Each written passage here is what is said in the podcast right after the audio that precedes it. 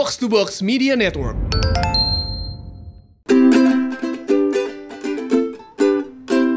Mencoba minimalis.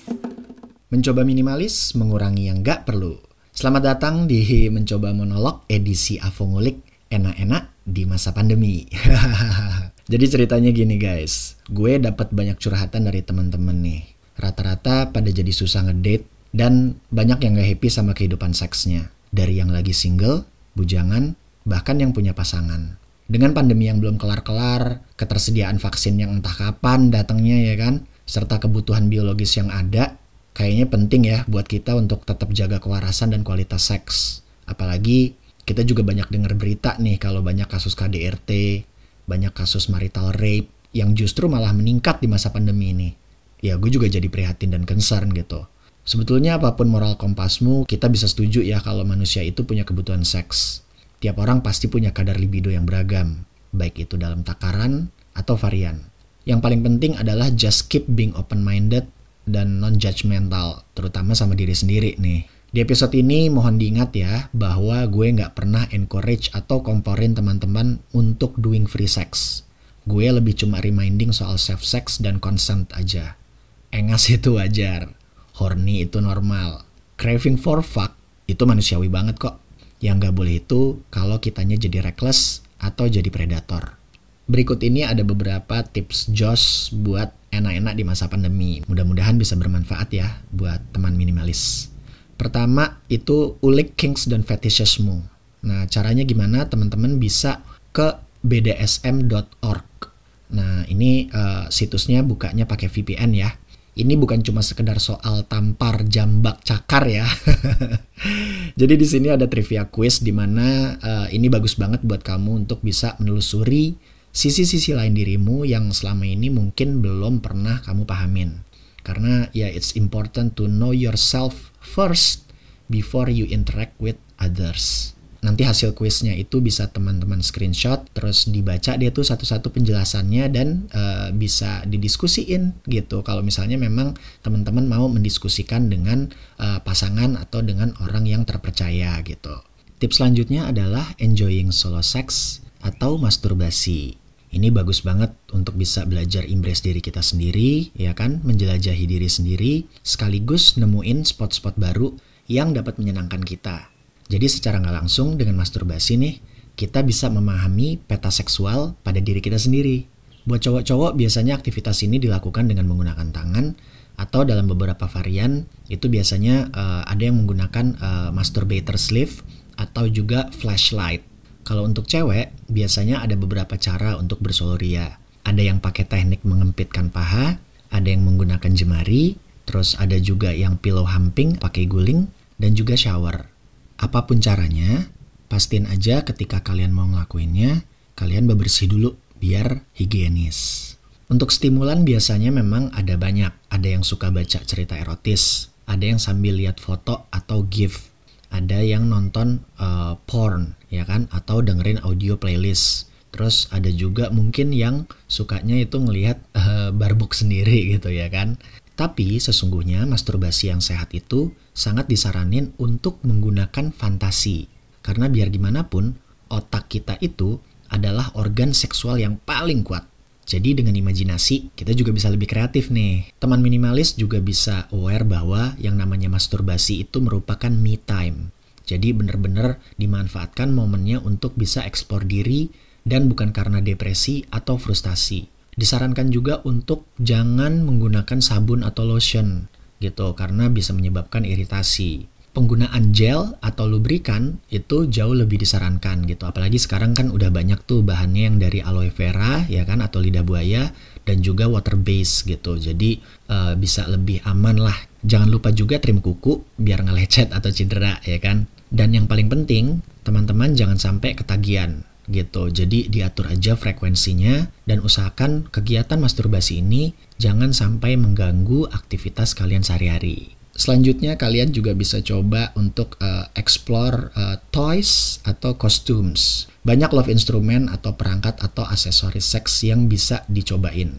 Ada yang punya fitur suction, ada yang bisa vibrate, ada yang cocok buat penetrasi dan lain-lain gitu. Jadi buat teman-teman yang uh, sudah sexually active ataupun belum sexually active tetap bisa ada uh, opsinya gitu. Terus banyak juga aparel kayak lingerie dan kostum-kostum gemes gitu ya kan yang bisa kamu cobain juga tuh. Kasih chances untuk kalian uh, untuk having uh, bloopers gitu atau trial dan error gitu ya kan uh, pada saat uh, cocok-cocokan gitu kan dan uh, di sini juga gue mau uh, special uh, shout out untuk uh, Laci Asmara, G Things, uh, Lilo atau Dido Toys, Hey Diago, sama nih Plats Official. Nah, teman-teman bisa kunjungin tuh uh, akun-akunnya mereka gitu kan di Instagram. Mereka punya banyak uh, opsi untuk love instrument dan baju baju-baju yang lucu serta gemesin untuk dieksplor. Nah, sebelum kita beranjak ke tips selanjutnya nih, saya mau bahas soal digital safety teman-teman perlu ingat bahwa yang namanya digital print itu akan sangat sulit dihapus. Makanya teman-teman harus pastiin banget dengan siapa teman-teman berinteraksi. Kenapa? Ya karena UU ITE masih belum berpihak pada kita semua nih ya kan, masih cenderung jadi pasal karet.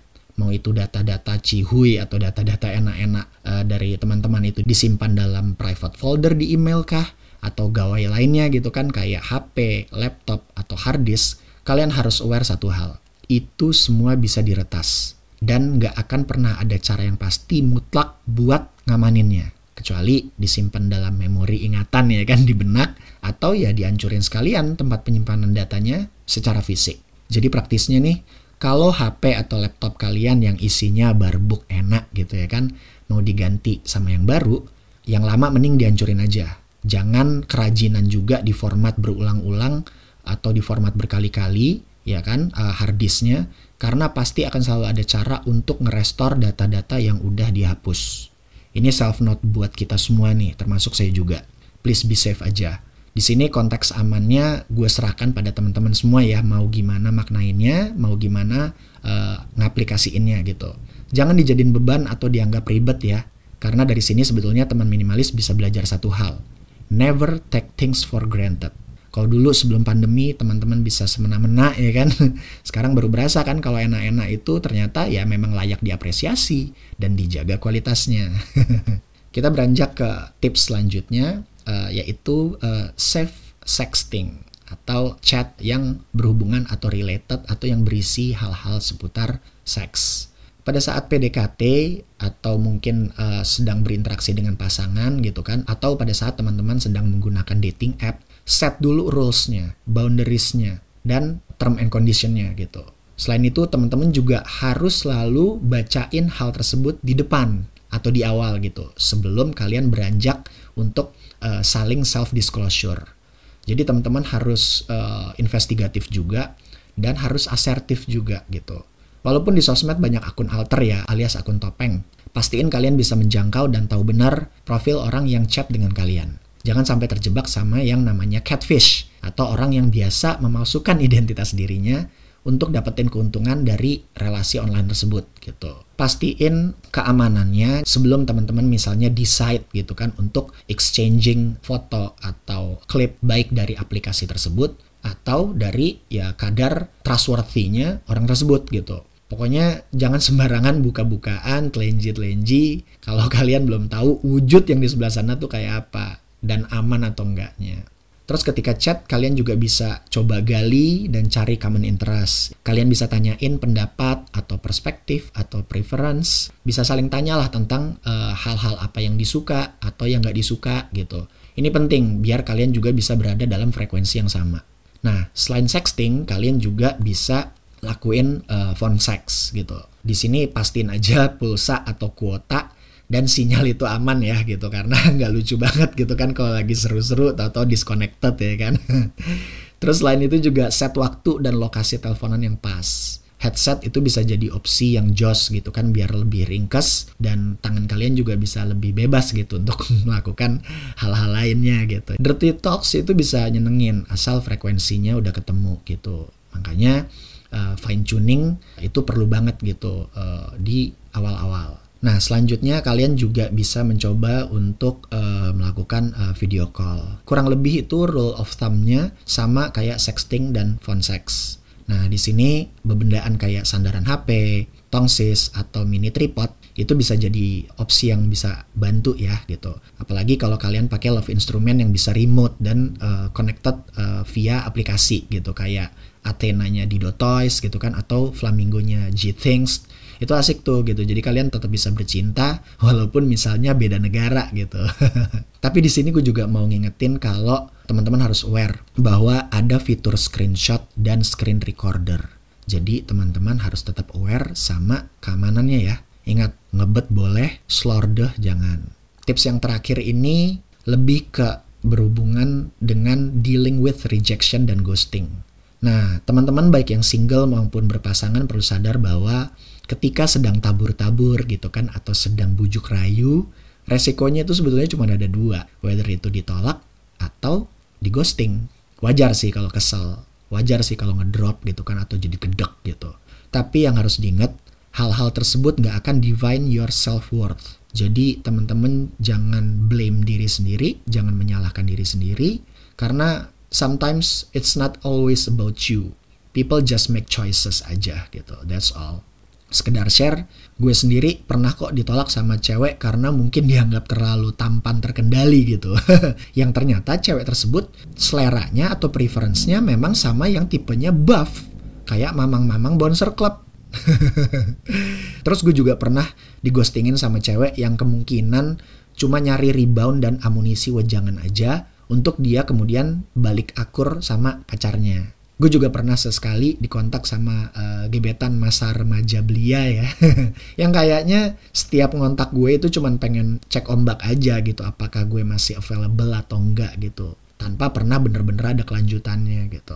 Gak usah khawatir sih sama hal-hal yang kayak gitu ya gitu. Ditolak itu biasa, digostingin itu biasa. Keep looking, keep trying. Kalau teman-teman nyoba itu 50% gagal, 50% berhasil tapi kalau nggak nyoba, ya teman-teman udah 100% gagal gitu. Teman-teman pokoknya tinggal cari yang kompatibel, cari yang cocok, dan cari secukupnya. Nggak boleh serakah. Nah, di sini ada rekomendasi artikel yang mau gue share. Untuk detailnya sih, nanti teman-teman bisa cek di deskripsi. Artikel-artikel ini berhubungan dengan internet safety gitu. Tapi teman-teman perlu ingat, nggak ada trik yang 100% efektif. Jadi uh, ketika berhubungan dengan digital stuff, kalian harus benar-benar make sure bahwa data-data kalian minimal terproteksi dengan beberapa layer verifikasi untuk mencegah uh, hacker dan folder atau drive tempat file-file private kalian itu harus dilengkapi dengan proteksi berlapis, baik itu berupa password atau tim legal yang jos.